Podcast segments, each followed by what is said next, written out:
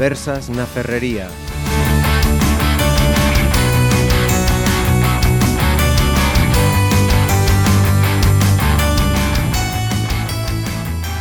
Saludos, buenas tardes. Arrancamos estas conversas en la ferrería que hoy tienen eh, un carácter eh, de alerta. Vamos a encender esas alertas, a hacer una llamada importante a la precaución porque eh, se están produciendo situaciones con nuestros jóvenes que, quizá nos harían sentarnos a, pensar y a reconsiderar algunas eh, situaciones. El por qué, qué ha motivado estas conversas y por qué hemos titulado este programa Chavales, eh, inhalar cloretilo no es un juego. Bueno, pues porque precisamente esa sustancia, el cloretilo, tenemos constancia que eh, se está eh, solicitando en farmacias eh, para colocarse. Estamos hablando de una sustancia que es un anestésico local eh, que se utiliza en medicina deportiva, pero que que se está mal utilizando. Aquí en esta mesa de Pontevedra Viva Radio, voy a comenzar por eh, mi derecha, nos acompaña Marta San Martín, que es eh, farmacéutica y nutricionista y colaboradora, además, ya me voy trabando en el principio, de Tribuna Viva en Pontevedra Viva. Bienvenida y gracias. Buenas tardes. Tenemos también a Carmen Aveledo, que es coordinadora de enfermería en el Centro de Salud de Aparda. Bienvenida también. Buenas tardes. Y a Manuel Martín, que es médico de atención eh, primaria y portavoz de la Plataforma en Defensa de la Sanidad Pública. Bienvenido igualmente también. Y gracias. y gracias por vuestra participación. Sí que tengo que dar un tirón de orejas, eh, porque hay que decir eh, las, las cosas como son. Cuando se planteó en ese, esta, esta cuestión, nos enteramos de esta situación, entendimos que había partes que deberían estar eh, opinando, eh, dando su situación, dando a conocer eh, estos casos que se están dando, y me estoy refiriendo al Colegio de Farmacia, al Colegio de, Farmacéuticos. Lo hemos intentado un día tras otro de forma reiterada, pero la cosa es que a día de hoy no están aquí presentes. Sí tenemos una farmacéutica que nos va a dar también su, su opinión al respecto.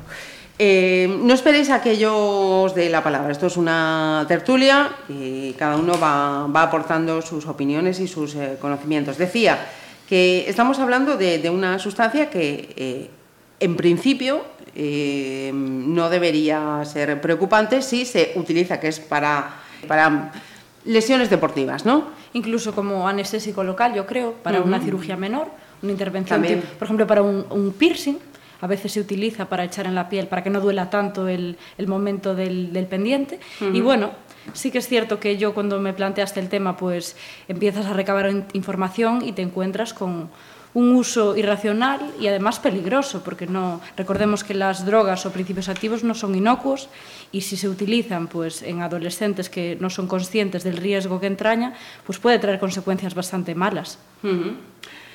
Eh, Manuel, supongo que en las consultas eh, es un medicamento, vamos a decir, frecuente, ¿no? Para este tipo de, lesiones deportivas o no deportivas. No, efectivamente, bueno, en, en, la práctica deportiva sí sé que es un medicamento que se utiliza con bastante frecuencia porque aparte de tener un efecto anestésico parece que también tiene la capacidad de enfriar la zona y al enfriamiento de una lesión por golpe o por traumatismo pues tiene efectos rápidos en cuanto a aliviar el dolor y la molestia. En cuanto a la, a la medicina, digamos, convencional, la que yo, la que yo tra donde trabajo, uh -huh. la verdad esa dicha es que los medicamentos estos que tienen como acción antiinflamatoria local, pues están cuestionados en cuanto a su eficacia. ¿no? De hace ya tiempo que, que, que bueno, pues se plantea la, la necesidad de, de, que no se utilice de forma pues, muy reiterada este tipo de medicación porque por un lado no, no está claro que tenga ninguna acción sobre, pues yo que sé, artrosis, artritis, o sea, procesos inflamatorios, degenerativos de articulaciones o de la columna y que, bueno, en la práctica deportiva sí que tienen utilidad y sobre todo el, este, el cloruro de etilo que tiene una, una acción uh -huh. de, de, enfriamiento rápida, sí, sí. ¿no? Así que, por un lado, bueno, aparte de que pueda ser utilizado indebidamente, pues parece que el uso del mismo pues tiene más de placebo en la actividad eh, de artrosis uh -huh. o, de, o de artritis que, que, que, que defectos reales. Que defectos reales ¿no? uh -huh. Las personas mayores tienen mucha mucha adicción, con, comillas, en el buen sentido de la palabra, a este tipo de medicamentos. Y bueno, pues a veces también es verdad que lo podemos utilizar como efecto placebo porque evitamos pues que se tomen pues muchos eh, antiinflamatorios o, o medicamentos analgésicos que bueno pues que tienen efectos secundarios sobre todo en personas mayores no con un poquito de insuficiencia renal y todo ese tipo de cosas yo creo que además la publicidad no ayuda mucho porque a mí me viene a la cabeza una viejiña que baila en un anuncio en concreto que baila como una profesional y claro eh, ven eso y les invita a decir ay pues ha de ser vos esa en la tele y les invita a consumirlo de una manera más crónica porque una vez compras el primer tubo Hay que pensar también, aparte de los efectos que ha dicho él, en los efectos negativos ¿no? de cualquier sustancia, sea un spray, sea un, una pomada, que se utilice inadecuadamente. ¿no? Ya por general cualquier medicamento tiene unos efectos, los positivos, por supuesto, que son mm, por lo que están digamos, Indica, indicados y aparte pues han llevado un periodo de prueba y que les exige mucho mm, estudiarlos previamente antes de sacarlos en el mercado, a veces no tanto como quisiéramos, pero bueno, en general nos tenemos que fiar, ¿no? que los medicamentos están ahí. Imaginaros un medicamento que se utiliza fuera de su contexto de tópico o de frotarlo o uh -huh. que lo inhalas, ¿no? Es decir, que ahí hay unos efectos negativos eh, que van directamente al cerebro, al sistema nervioso central, pienso yo, ¿no? Más uh -huh. que nada, por experiencia de, y ahí pues, eh, tanto te puede una persona pues, ponerla súper alegre, disparársele, como otra pues, bajarle la tensión, la, las pulsaciones y fallecer. Uh -huh. Es decir, que no es ninguna broma utilizar este tipo de cosas fuera de lo que está es, indicado. ¿no? Son los llamados, si no me equivoco, los, eh, le llaman los sprays fríos. ¿no? Exactamente. Eh, y según tengo entendido, eh, lo que hacen es eh, empaparlo en un trozo de tela o en la camisa camiseta, o en la camiseta o, en el jersey, mismo, lo inhalan y eso les produce durante poco tiempo, creo que es cuestión de 10-15 minutos. No, 30, 90 segundos. Segundos, sí. segundos Ajá. Sí, sí. De hecho, eh, dentro del prospecto concretamente del cloretilo eh, indica que, bueno, en caso de mm. inhalación accidental podría producir narcosis e inconsciencia, con lo cual, antes te comentaba también, hay muchísima gente alérgica a los salicilatos y Muchas veces, por ejemplo, el reflex o el, el radiosalil tiene salicilato de metilo. Uh -huh. Las consecuencias de una, de una alergia a los salicilatos, aún no sabiéndolo el adolescente, podrían ser fatales. Ya no solo una reacción tópica de urticaria por culpa de un spray que te está provocando una alergia, sino uh -huh. en caso de inhalación podría desencadenarse una -huh. relación. Claro, es que eh, lo estás planteando creo que muy bien, ¿no? Vamos a ver, el, la medicina, la, la, sanidad española, ¿no? Es una sanidad muy garantista, ¿no? Pues hombre, eh, se, se, se, precisa eh, de una receta expedida por un profesional de la sanidad para retirar gran parte de los medicamentos porque se entiende que, bueno, pues tienen efectos secundarios y que pueden generar problemas si se utiliza indebidamente. Y para eso, pues el instrumento de control en la receta, bien de la seguridad social o bien una receta avalada por un profesional con colegiación en, en, en Pontevedra, por poner uh -huh. un ejemplo.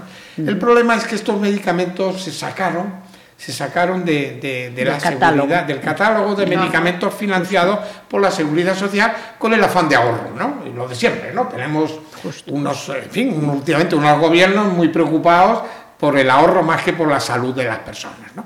Entonces el problema que tenemos es que eh, hasta ahora eh, se puede, se eh, hacía falta una receta y el hecho de que tuvieran descuentos para, para poder ser utilizado garantizaba que al menos había una supervisión por parte de un profesional sí. de la sanidad de la retirada del mismo. Justo. El problema es que ya no hay, no hay esa receta. Es decir, que no, no se puede retirar un medicamento, un, un, un medicamento, una benzodiazepina para un ansiolítico, un antidepresivo, tal, pero o una, un, esti, un, estimulante como las anfetaminas necesitan sí. eh, su receta correspondiente, pero en este caso Recurren, no, claro. no hace falta, con uh -huh. lo cual lo puede retirar cualquier chico simplemente acudiendo a una a una farmacia sí, y sí, pidiendo es, que claro, se le dé, ¿no? Eso es lo que y eso es gravísimo. Con lo cual estamos viendo que además ya no es que no se ahorre, es que se sigue consumiendo, pero bajo el no control del consumo de este tipo de cosas. Entonces, uh -huh. para mí es un arma de doble filo. Por claro. lo que estás intentando ahorrar por otro lado, te va a provocar un gasto sanitario en efectos secundarios por el otro. Uh -huh. Entonces, Pero este tema no solamente es, ahora estamos hablando del cloretilo, el reflex, bueno, quiero decir que va en relación con casi todas las drogas, ¿no? Lo que teníamos que hacer era la prevención. Eh, se hacen campañas, no, no bebas, un ejemplo, no fumes, no, no. A ver, está aquí la, la atención primaria, que estamos, creo que un poco abandonados, hace unos años esto está muy parado, uh -huh. mi experiencia de muchos años, eh, pues hará, no sé, como, no sé, puedo decir seis, ocho años, que está, está como frenada la atención primaria, ¿no? Es, es mi, mi percepción, mi percepción uh -huh. ¿no? Entonces, es como un poco la voluntad de cada uno, ¿no? Es decir, bueno, un centro de salud pues tiene tres, cuatro personas que están ahí con ganas de hacer cosas, pues parece que va un, arranca un poquito mejor. Entonces, yo pienso que es importante siempre la prevención en, y además con la gente joven, ¿no? De, mmm, creen que beber eh, es mmm, para relacionarte, entrar en el grupo, eh, eres el más guay, el que más bebe, eh, es el líder, el que más se droga, el que más... Mmm, el que hace las cosas más... Eh, no más, absurdas, más absurdas exactamente. Cuanto más absurdo Entonces, seas, parece más éxito social. Pienso que eh, la atención primaria está ahí un poquito eh, parada, mm. y deberíamos, pues a veces mm, este tema que es tan grave porque es la, la el futuro de, uh -huh. de, nuestros jóvenes, ¿no? Sí, que, sí. La, que estén, porque beber siempre se bebió, pero es que ahora beben hasta quedar inconscientes. Incluso eh, cuando te llegan al servicio de urgencias o tienes que salir en una ambulancia a buscar un, una niña, un niño de 13, 14 años, eh, y llegan los padres, porque tienes que llamarlos por ley, tienes que avisar a sus padres que lo tenemos en, en, en el PAC o en urgencias, y, y dicen, lo están viendo y dicen, pero si mi hija no bebe, mi hijo no bebe. Y digo yo, vale, no bebe en casa, pero fuera de casa bebe. Es evidente no. que sí. Uh -huh. Entonces, creo que es un poco educacional y, y de prevención. También los padres están un poco permisivos, uh -huh. ¿no? Es decir, somos, me incluyo, uh -huh. ¿no? Que a veces les permitimos, pues, no somos conscientes de realmente lo que están haciendo fuera de casa. A mí hay una cosa que, y ya que hablas de, de prevención, me llama la atención. Para prevenir eh, hay que estar informado, hay que saber qué es lo que pasa, ¿no? Entonces, lo que yo eh, eh, estoy detectando es que esta situación, lo primero, no es nueva. Ya hay comunidades que hace años ya vienen alertando de que los chavales están comprando el cloretilo para, para doparse, ¿no? Como narcótico, mm. ¿vale? Si esto ya viene pasando hace años, si en las oficinas de farmacia eh, son conscientes y lo ven, que estos chavales están yendo a comprar estos sprays eh, con un fin, yo creo que los que estáis detrás de, de las oficinas de farmacia, más o menos podéis sí. intuir quién lo compra para estos Sí, porque la persona que y, viene y hay que saber no. hacer un escáner y decir, pues eres una persona mayor que tiene una artrosis uh -huh. y te lo echas como pensando que te va a aliviar ese dolor, pero tú con un ojo clínico ya ves ya si ves. la persona que viene Ajá. es un joven menor de edad uh -huh. que continuamente está yendo, porque hay gente que hasta ni se molesta en cambiar de farmacia, va siempre a la a misma, uh -huh. y ves un uso pues pues descontrolado de este tipo de sustancias, pues ya cuando el río suena, agua lleva. Claro, porque además eh, entras en Internet y en cantidad de foros en los que se dice cómo inhalar el cloretilo, eh, qué efectos tiene, qué te hace, qué no te hace. Y dices, vamos a ver, si esto está sobre la mesa desde hace tanto tiempo, aquí se ha detectado, ahora por lo menos nosotros hemos tenido conocimiento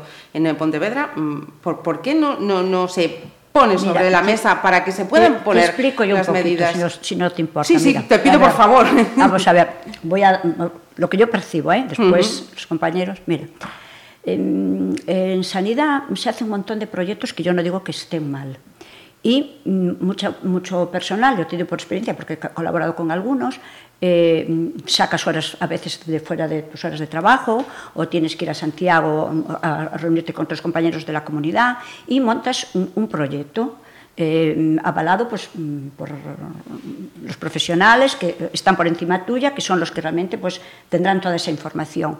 Ese proyecto se, se realiza, pero ¿qué pasa? Después falta la continuidad, los recursos suficientes, el poder decir, bien, yo he montado este proyecto, pongamos, de obesidad infantil, de drogadicción, de 20.000 de actividad uh -huh. física, desayunos saludables, un montón de cosas que hay que a mí me parecen estupendas, por favor. ¿eh? Y creo que es nuestra función, la de primaria, la de la prevención, pero quedan ahí, ahí están. Parece que funcionan, bueno, un año, y después ya no sé. Duermen el sueño los justos otra vez. Exactamente. Sí, preguntas, es ¿qué mi- he conseguido? Esa es mi percepción. No sé si Sí, mi yo, compañero... estoy, yo estoy absolutamente de acuerdo. Bueno. Aquí hay una contradicción flagrante. Es decir, nuestros hijos, los chavales aún jóvenes, tienen una información tremenda que viene por internet, que viene por Facebook. Es decir, aparte de la información, bueno, pues que hay socialmente. Somos una sociedad politoxicómana, ¿no? No nos engañemos, ¿no? Porque estamos hablando del clori- el- el cloruro cloruro de de etilo. pero bueno, podríamos hablar de, de las bebidas alcohólicas, podríamos hablar del tabaco, Tabaco, y de un montón de cosas. del- del resto de Bueno, drogas pues que hay. Tenemos a los, a, a los chicos jóvenes con acceso a toda esa información, y no solamente información, a toda esa marketing para la venta de todo tipo de productos, y al mismo tiempo los instrumentos que tenemos para, para prevenir, que sería la información, la educación, el dotarles de, de- de algo que les permita defenderse frente a esa avalancha de promoción de productos que pueden ser dañinos, y lo son, pues no tenemos. La atención primaria, como antes decías, está absolutamente abandonada. Hace 8 o 10 años aprobamos el plan de mejora, que significaba aumentar las enfermeras, los trabajadores sociales, los médicos, las consultas. Bueno, aquello se fue a, mejor vida, ¿no? No, Desapareció. No solamente se dejaron de crear las mil plazas de profesionales, de los cuales casi 400 eran enfermeras y ciento y pico de, casi 200 de médicos, sino que además, bueno, pues se dejaron de, de crear los centros de salud que hacían falta y todos esos instrumentos. Además de eso, aparte de la falta de recursos que tiene la primaria, porque además se han recortado, no sé si han sido eh, 400 plazas o 300 a mayores, porque a medida que se va jubilando la gente no les reponen, tanto en enfermeras como en médicos, con lo cual están quedando los centros pues con unas plantillas muy reducidas. Todas las actividades de promoción, las actividades de prevención, de educación sanitaria, que debía de ser una parte importante de la actividad profesional, en estos casos, están desa- desatendidas porque bastante tenemos con atender a los que están enfermos y acuden de manera eh, eh, Día a día y están amontonados en los servicios, en los centros, ¿no? Pero es que además las actividades de colaboración, de integralidad entre que trabajábamos, eh, es decir, estoy hablando de médicos, estamos hablando de enfermería, estamos hablando de trabajadores sociales, estamos hablando de los, de, de los en, en fin, los farmacéuticos, donde tendría que haber una colaboración estrecha tanto en las, pro- en las, en fin, eh, en las estrategias de prevención, informando sobre los riesgos reales y todo eso de promoción. Es decir, oiga, no se drogue usted, lo que tiene que hacer es vaya deporte y haga un deporte agradable, tiene usted puede hacer ciclismo, etcétera, etcétera. Yo- eso no está en marcha. digo- Con lo cual, les dejamos en manos de toda esta industria que vende a base de bien y de todos estos, eh, en fin, recursos ilegales de utilización indebida de, de medicamentos y no hacemos el esfuerzo necesario. Porque es verdad que, en el colegio se puede hacer actividad de prevención y promoción, etc. Pero es que los que trabajamos en el servicio, en los servicios públicos, tenemos el plus de la legitimidad. Es decir, eh, eh, tenemos, eh, con- en fin, la gente valora lo que decimos. Y No lo digo porque sea médico, ¿no? sino porque las encuestas del CIS, del, del Centro de Investigaciones Sociológicas, cada año, ¿cuáles son las profesiones que más prestigio tienen? Pues médicos, seguidos de enfermería. Entonces, bueno, y probablemente también los farmacéuticos también. Es decir, que el hecho de que nosotros desde los servicios sanitarios, desde nuestra legitimidad como trabajadores del sistema, eh, informemos, eh, eduquemos y tal, pues permitiría ser mucho más eficaces, ¿no? Sí, pero yo vuelvo a lo que digo, a lo que, lo que dije antes, es decir, todo eso es mm, eh, la voluntad del profesional. Es decir, yo el año pasado pues tuve una residente de enfermería familiar y comunitaria y hemos ido a varios colegios y hemos dado sesiones de distintas eh, cosas, ¿no? Hemos ido al centro de mayores, también a hablar un poquito de alimentación, y, y pero siempre es tu propia voluntad, tus ganas de decir, caramba, es que yo estoy cansada de tomar las tensiones, que no vale para nada. A ver, mm, me explico. Que no es- que no forma parte parte de la- de de la prevención. y de la actividad exacto. oficial Entonces del digo, servicio. pues eh, a lo mejor eh, haciendo una actividad grupal, pues consigues más aparte la individual, por favor, eso está clarísimo que siempre tiene que, que, existir. Yo es que creo que hay un dato que es muy relevante ahora mismo, que es que en sanidad pública no hay, por ejemplo, nutricionistas. Entonces, si somos el único país de Europa que no tiene nutricionistas en sanidad pública, yo creo que sería el primer paso a dar para que lo que es la prevención se lleve a cabo desde el hospital e incluso que, bueno, pues también cogiendo un poco el tema de lo de la, la información, que estamos sobreinformados y a la vez infrainformados, porque no hay espíritu crítico, todo vale. Si en Foro Coches o en la revista de mujeres te hablan de que hay que comer X cosas, o la famosa operación bikini, que para mí es un horror, porque eso es desinformar. Entonces, la prevención tendría que ser un equipo multidisciplinar entre médicos, enfermeros, farmacéuticos y nutricionistas. Decía Manuel. Uh -huh. sí, sí. Es que es básico. Y, y psicólogos también. Uh -huh. Y psicólogos también. también. Bueno, y trabajadores y, y sociales. hablando de, de, la situación esta de, de, del marketing, de la, de la industria farmacéutica, sí. ¿no? Eh, estamos eh, hablando, y volviendo al, al, tema que nos ha traído aquí, estamos hablando de eh, unos eh, productos, eso que como dicen, nos lo están vendiendo como la panacea, ¿vale? Que en las farmacias se pueden obtener sin receta médica y que se pueden obtener no solamente en farmacias, sino en otros establecimientos que no tienen nada que ver con la sanidad.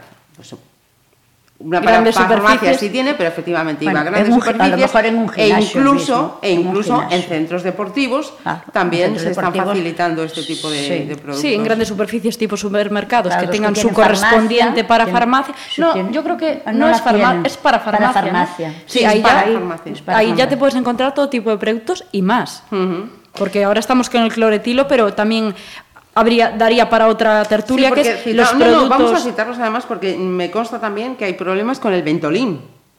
Sí, que sí. también.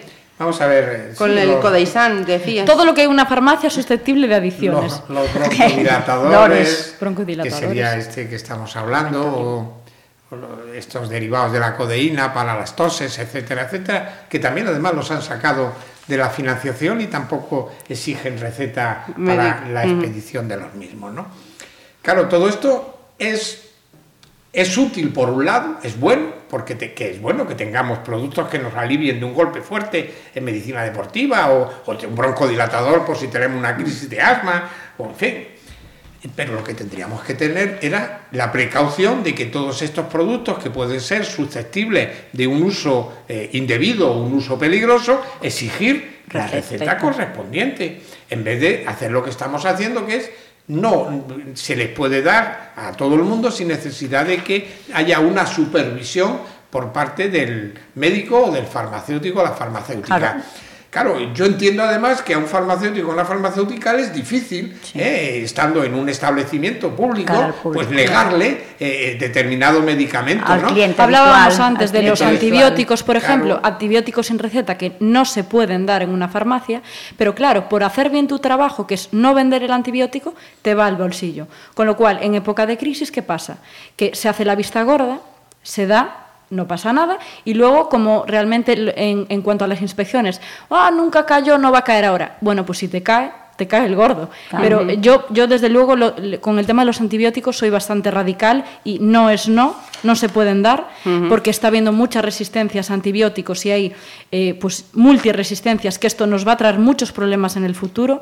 Y creo que hay que endurecer un poco las medidas de que si esto es con receta, es no. Y, por ejemplo, el codisan sería un extremo porque es un derivado uh -huh. eh, opiáceo, pero, por ejemplo, con el spidifen, sin ir más lejos, claro. hay un abuso indiscriminado de los AINES, que son los antiinflamatorios no esteroideos.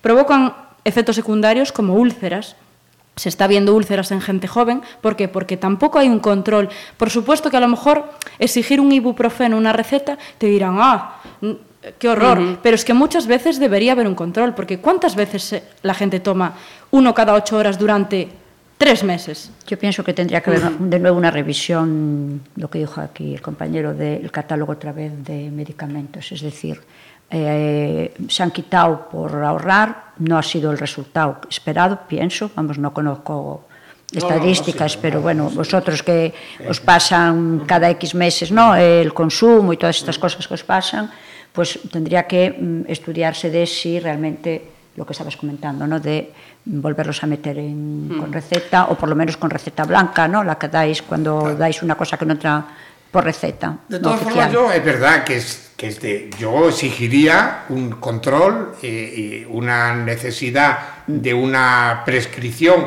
por personal sanitario, médicos o enfermería, pues yo estoy de acuerdo con la receta de enfermería, me parece que es de no utilidad, podemos. evidentemente, Es otro tema. eh, pero que sería una, una bueno, pues una, una defensa al, al- al ciudadano o ciudadana de que lo que está retirando no tiene efectos potencialmente negativos o, o puede ser utilizado indebidamente.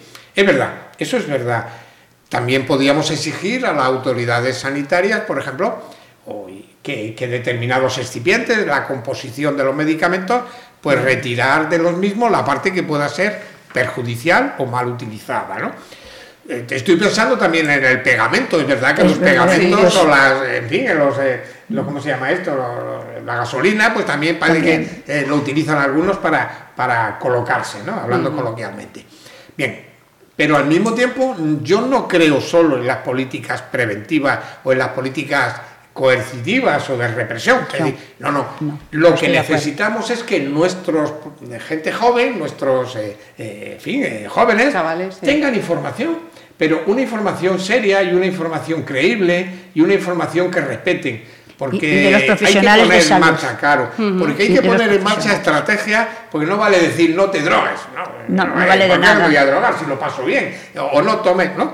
En fin, no no. con el coche, ¿no? Pero aparte de, de la medida de, tiene que haber una estrategia y yo creo que por eso lo que planteas de la atención primaria y, y la colaboración con, con- entre profesionales, que tengamos una- un mensaje potente, un mensaje exhaustivo, un mensaje cercano y una colaboración para que esta información llegue a donde tiene que llegar. Y a los jóvenes les es difícil de llegar porque es que vienen poco a los servicios sanitarios, afortunadamente, porque suelen Sí, sí. tener una salud estupenda. Son los mayores los que se ponen enfermos y suelen acudir al médico, ¿no? Pero por tanto tenemos que buscar vías alternativas para que los chicos saben que, oye, no te pongas morado de reflex porque te puedes morir o te puedes dar una, Mira, una psicosis. quiero, quiero, quiero recordar, eh, creo que fue el año pasado, eh, en el- aquí en algunos institutos de Pontevedra, vino un jardinero catalán a hablar en contra de las vacunas. Es un antivacunas. Sí, sí, no sé si te llegaste Sí, a enterar, salió incluso algo en el periódico y no sé si en la radio. Bien. Igual que ese señor se le facilita eh, poder ir a los institutos a dar esas charlas antivacunas, ¿eh? porque no vamos a ir los profesionales de salud a dar charlas a los institutos, a los colegios. Yo he dado poquitas, en algunos he, he podido ir, ¿no? Pero creo que ahí está una labor también muy importante de los profesionales de salud, que no damos ese salto. Es decir, estamos, también hay que reconocer, estamos cómodos en el centro de salud, nos cuesta salir de él, a mí no, ¿eh? yo iría por ahí si me dejaran, pero bueno, ya bastante eh, salgo. Quiero decir que eh, eh, mm, a veces eh, no damos el salto, ¿no? El decir, ah, voy a cambiar mi chip de trabajo y lo voy a hacer de a- distinta manera y me voy a acercar a, Y quizás a también los ciudadanos. por parte ¿no? de la enseñanza, demandar un poco que no todo sea pues el, el aprendizaje habitual. Por Mm, ejemplo, ya hacen, yo no es por defender a la enseñanza, que creo No, no, que, sí, sí, yo pero soy creo hija que de hacen, de bueno, mis- mi familia es toda de maestros también, entonces mi madre maestra también fue. Entonces quiero decir que mm, ya mm, creo que hacen bastante eh, cosas dentro del colegio en prevención de salud. ¿eh? Después también volvemos a lo de siempre, tienen pocos recursos, tampoco los sustituyen, tampoco volvemos a lo mismo, ¿no? Eh, llevan también años mm, ahí sin más recursos, entonces eh, creo que mm, la cosa volvemos a lo, a lo siempre, al, al- a lo plural. Salud va relacionada con la enseñanza, va enseñada con la, con la mente, va enseñada con todo el cuerpo.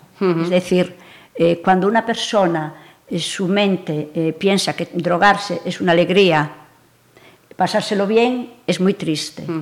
Entonces creo que ahí está el espíritu crítico debería estar en las aulas, entonces. exactamente. Decía Manuel que afortunadamente lo- lo- los chavales, los jóvenes son los que, los que menos visitan los, los centros de salud y lamentablemente la otra cara es cuando vosotros desde los servicios de urgencias los tenéis que atender. Creo, tengo entendido que a día de hoy no ha habido alarma en ese sentido, no se han atendido urgencias por, por este tipo de, de Que intoxicaciones. yo sepa no. En Pontevedra que yo sepa no. Pero bueno, Pero no lo también sé. es verdad que a veces eh, atiendes pacientes y, y desconoces lo que han tomado. que ha habido detrás de, esa, era la pregunta de, crisis. Si, si, advertimos a los padres, en, estos casos, ¿qué, qué síntomas podrían detectar para identificar si esto, si esto está pasando? Hombre, vamos a ver, yo creo que, que todo el mundo conoce mm. a sus hijos, sabe el registro de funcionamiento y evidentemente cambios en la conducta, cambios en la forma de ser, agresividad, eh, somnolencia, en fin, eh, irritabilidad, irritabilidad son síntomas que alarman. El asunto es que la persona, la madre o el padre que detecta esta situación pueda tener inmediatamente a dónde recurrir y saber a dónde tiene que recurrir. Es decir, que no basta solo tener información sobre lo que puede ocurrir, sino que encima no te sientas desamparado, ¿no? Porque dices, bueno, ¿y qué hago yo? Porque claro, le agarro al niño por la, por la oreja y me lo llevo al, al, centro de salud. El problema es que si el niño tiene 17 años y mide 1,90, a ver quién lo lleva. Es decir, tenemos que desarrollar estrategias informativas y la población tiene que saber que en los centros de salud va a tener profesionales y digo centro de salud, como digo farmacias, digo muchas instituciones sanitarias, va a tener ahí alguien que está eh, predispuesto, alguien formado, alguien capacitado para desarrollar ese tipo de actividades. Porque otro problema que tenemos es que es verdad que la población suele tiene problemas de información y de formación en estos temas, pero también nuestro sistema también tiene graves carencias en este tema. En primer lugar, por lo que antes decíamos, la atención primaria, que tendría que ser la responsable de este tipo de actividades, con capacitación del profesional para manejar el tema. Bueno, no, no todo el mundo tiene eh, capacidad de hacerlo bien si no ha sido formado adecuadamente.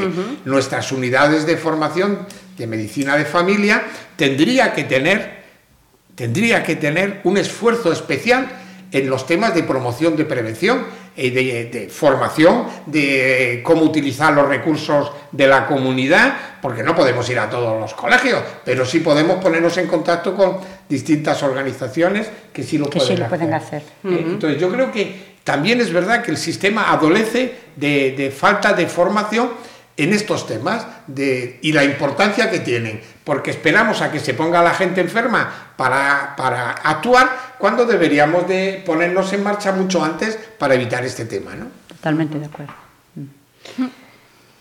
Estoy... Eh, en fin. Em, no sé quién de, de, los tres, creo que era Manuel también decía, estamos en una sociedad... Eh, politóxica, ¿no? Tenemos los mm. jóvenes... Eh... Sí, sí, sí, politóxicos, es decir, bebemos, fumamos, tomamos café... Ibuprofeno, eh, tomamos ibuprofeno. ¿Por qué? Porque el problema, ¿sabes cuál es? Yo creo, a mi entender, que se ha trasladado el consumismo social, es decir eh, mejoramos nuestro estatus y mejoramos nosotros mismos. Con la información mejoramos todo. lo malo y lo bueno. Mejoramos en la medida que o, nos deterioramos. mejoramos, lo, mejoramos lo bueno y lo malo. Claro. yo lo del consumismo estoy totalmente de acuerdo porque igual. yo el Black Friday este famoso no sabía lo que era hasta que salí a la calle en la bicicleta y me tuve que bajar de ella porque era una infestación de gente en las tiendas que además yo siempre eh, con el tema consumista, bueno, yo soy bastante ecologista, también antes me vino a la cabeza lo del cloretilo, que no deja de ser un aerosol. que son los famosos CFCs a la atmósfera, que todo va ligado a todo. Entonces, es el consumismo, es el exceso de permisividad, la bajada de precios del medicamento que te da más accesibilidad a ellos. Porque no olvidemos que eh, antes hablamos del Spidifen, 2,50 euros, en Francia creo que rozan los 12 euros. Es que no es lo mismo. El tabaco habría que subirlo de precio. No los ideas. que se nos van a Francia, como con las vacunas que se nos iban a Portugal cuando los prohibieron. ya, hay, un montón de medicamentos que no nos suministran a España por, precisamente por el barato. Pero el problema, a mi entender, a el problema a mi entender es que ese consumismo que tenemos en muchos aspectos de nuestra vida, tenemos que llevar tal ropa, tenemos que tener tal coche, tenemos que tener tal... Eso lo hemos trasladado también al tema de la salud, ¿no? Y entonces, bueno, pues ese consumismo que tú decías de antiinflamatorios o de cualquier cosa que me produce un poquito de molestia, ya me estoy tomando un medicamento, cuando a lo mejor la alternativa sería otra. Y en el caso de los chavales jóvenes, de la gente joven, de la gente eh, pues claro, ¿qué ocurre? Bueno, pues si, si, todo el mundo consume drogas, más o menos unos toman cocaína, el otro toma Ah, alcohol no sé o qué tal. sea. ¿Qué hace? Pues yo también quiero participar en el festín y por tanto voy a utilizar la droga que me es accesible. No tengo dinero para comprarme no sé qué droga, que es cara, pero tengo dinero para ir a una farmacia y comprarme tal Un producto. O me voy a una, a una, a una librería claro. y me compro un pegamento. O incluso, como comentábamos, creo que era fuera de micrófono, que desconocía que sí que hubiese urgencias, eh, en este caso hablabas del Álvaro Cunqueiro, lo entendía, no, no sé si como un poco ahí estaba, pero lo de empapar los tampax con, con alcohol, vía Introducirlo. vaginal las chicas, vía anal los los hombres chicos. y, y que tienes sí tenemos aquí ya... Tienes un, un pelotazo, o sea, una borrachera inmediata, sin mal aliento por parte de los padres que podrían detectar, y es algo bastante peligroso, más que nada porque la vía rectal es una vía de absorción bastante rápida y que provoca pues, eh, los efectos de una borrachera, pero más rápido de lo, de lo Quedan habitual. inconscientes a veces. Si quedan inconscientes. Y a, a mí, según me estabas hablando, decía, cuidado porque le estamos dando idea a la gente joven. No. No, es que El problema es que la gente joven sí Va sabe que está, va por delante de está por nosotros, delante sí. de nosotros. El problema es que el sistema sanitario y los que estamos No. detrás vamos por detrás. Detrás. Por Cuando eso yo decía por- que sí. había que hacer un esfuerzo importante de formación y capacitación a los trabajadores sobre qué hábitos de consumo de este tipo de sustancias tiene la gente joven. Pues yo estoy convencido que una parte importante de los profesionales de la sanidad desconocen esta historia. Y los chicos sí lo conocen, que para eso está Sí, sí, sí, sí, Internet, Facebook y... Y yo creo que además hay que hacer una, digamos, una contrapublicidad agresiva. Es decir, hay que poner las cartas sobre la mesa, no es ninguna broma, y no es la doble moral del paquete de tabaco con la fotito, que eso es una doble moral tremenda, que además me parece fatal, porque habría que hacer otro tipo de campañas, por ejemplo, con el alcohol. Las de la DGT es que hasta me parecen blandas a veces que las ves, que mucha gente dice, ay, anuncio. No, no, todavía peor, porque es que los jóvenes tienen que saber las consecuencias, porque además al final no eres consciente hasta que te toca de cerca. Lo hablábamos antes con el tema de conducir con una copita, que es que si te tomas una copita no hay que conducir. Porque mm, si te muere un familiar, lo ves de otra manera. Entonces, yo creo que eh, la tolerancia y, y lo que decía él también, es decir, estamos en una sociedad en la que se hizo guay el ser consumidor, porque si no bebes cubatas eres el raro, o si no fumas eres el menos guay, sobre todo en adolescentes. Y yo creo que esto tendría que ser un trabajo desde la sanidad, desde casa también, muy importante, porque depende de la educación que te den, vas a ver las cosas pues con más gravedad o menos. Y yo creo que eso, que publicidad radicalmente agresiva para que te quede pues la imagen, con imágenes horribles, que es como a veces también te queda eso en mente. Antes de, de terminar, eh, ¿quedamos con un mensaje poco esperanzador o será posible que la sanidad pública dedique finalmente esos recursos para ir por delante de, de los chavales y, y estar debidamente formados para informar y prevenir? Bueno, yo, yo siempre soy optimista. soy optimista, eso de que hay que enfrentarse a la vida con, con el pesimismo de la razón y con el optimismo de la voluntad, ¿no? Bueno, yo creo que sí, yo creo que, que hemos mejorado. Eh, es verdad que en la atención primaria, por ejemplo, los temas de promoción y prevención están un poco abandonadillos, pero es verdad que hemos avanzado eh, de manera gigantesca en los últimos años en este tipo de actividades, ¿no? que antes tú contabas Sí. que se realizan en tu centro y en otro centro. Eh, yo creo que sí, que decir, el mensaje debe ser positivo, es decir, hay recursos para poder afrontar el problema, lo único que pasa es que tenemos que tener estrategias bien diseñadas, eh, tenemos que tener a nuestros profesionales bien formados y con una actitud muy positiva a este tipo de actividad, es decir, no abandonar la clínica, que es buena y necesaria, sino que dedicarle un tiempo también importante a la prevención y a la promoción. Y luego saber que tenemos desde los sistemas sanitarios un prestigio importante que debemos de utilizar para trasladar a la gente, joven en este caso, mensajes sobre los problemas que tiene, pues hacer alguna tontería, porque ellos lo ven como una tontería, pero que puede ocasionar gravísimos problemas de salud Tan a medio y largo como plazo. ¿no? muerte, muerte súbita o en coma incluso. Claro, estamos hablando de coma y de muerte Sí, sí, sí, súbita sí, o de, o de, psicóticos, ¿no? Que llegan a los centros sanitarios en una situación muy difícil y Sí, sí. fastidiada. Sí, se ve mucha gente joven con problemas psiquiátricos derivados del abuso de drogas y gente muy joven. Y eso, recordar que el, que el coma etílico es la antesala de la muerte, que no es una coña haber tenido un coma etílico ni que te hayan hecho un lavado de estómago y que jijiji jajaja se puede convertir en, pues en una desgracia futura. Pero tú fíjate, yo sé, no, ya no puedo ir porque mi edad me lo impediría, evidentemente. sé que hay discotecas y sitios que están hasta las 7, las 11 de la mañana del día siguiente. 24, 48 horas abiertas. Que una persona esté ahí en esas condiciones porque está hasta las cejas de estimulantes. Que puede ser este, puede ser la cocaína, puede ser las pastillas, yo qué sé. Pues lo que tenemos que hacer es que, oiga, no podemos tener esos centros abiertos porque ahí llevan nuestros jóvenes, ¿no? Evidentemente, y si van ahí, yo estoy convencido de que se hace un análisis a todos los que están y el 99,9 están hasta las cejas, ¿no? en fin, yo, creo que hay que eso no puede ser. Yo estoy de acuerdo en que los programas tienen que ser de prevención y muy selectivos, es decir, si es sobre alcohol, alcohol, sobre drogas, es decir, tienen que ser muy puntuales y a quién van dirigidos y cómo van. Y creo que también tendríamos que decir que los adolescentes tienen que saber que el alcohol, cualquier tipo de droga, les va a afectar a su cerebro.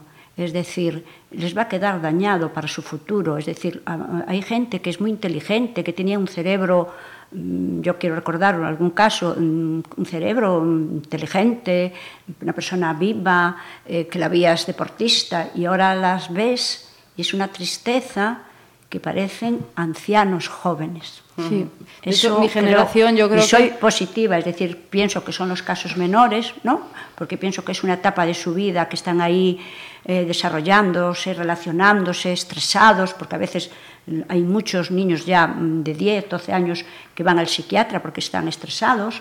¿eh? Entonces yo creo que es muy importante, los tenemos que, que cuidar y mucho. Sí, yo creo que el mensaje positivo por mi parte es que hay que volver un poco a antaño, es decir, lo que eran nuestros abuelos de jóvenes con sus guateques, que también es que se lo pasaban bien, o sea, no es que fueran aburridos y se quedaran en casa, es que también iban a bailes, también había cenas, también había de todo. bueno, yo me refiero a mis abuelos.